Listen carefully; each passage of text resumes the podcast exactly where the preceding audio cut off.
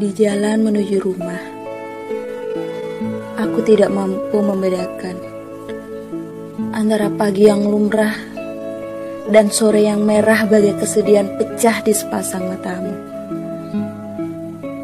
Aku tidak mampu membedakan kilau lampu-lampu merkuri di tepi jalan dan perkara yang tidak bernama dalam diriku.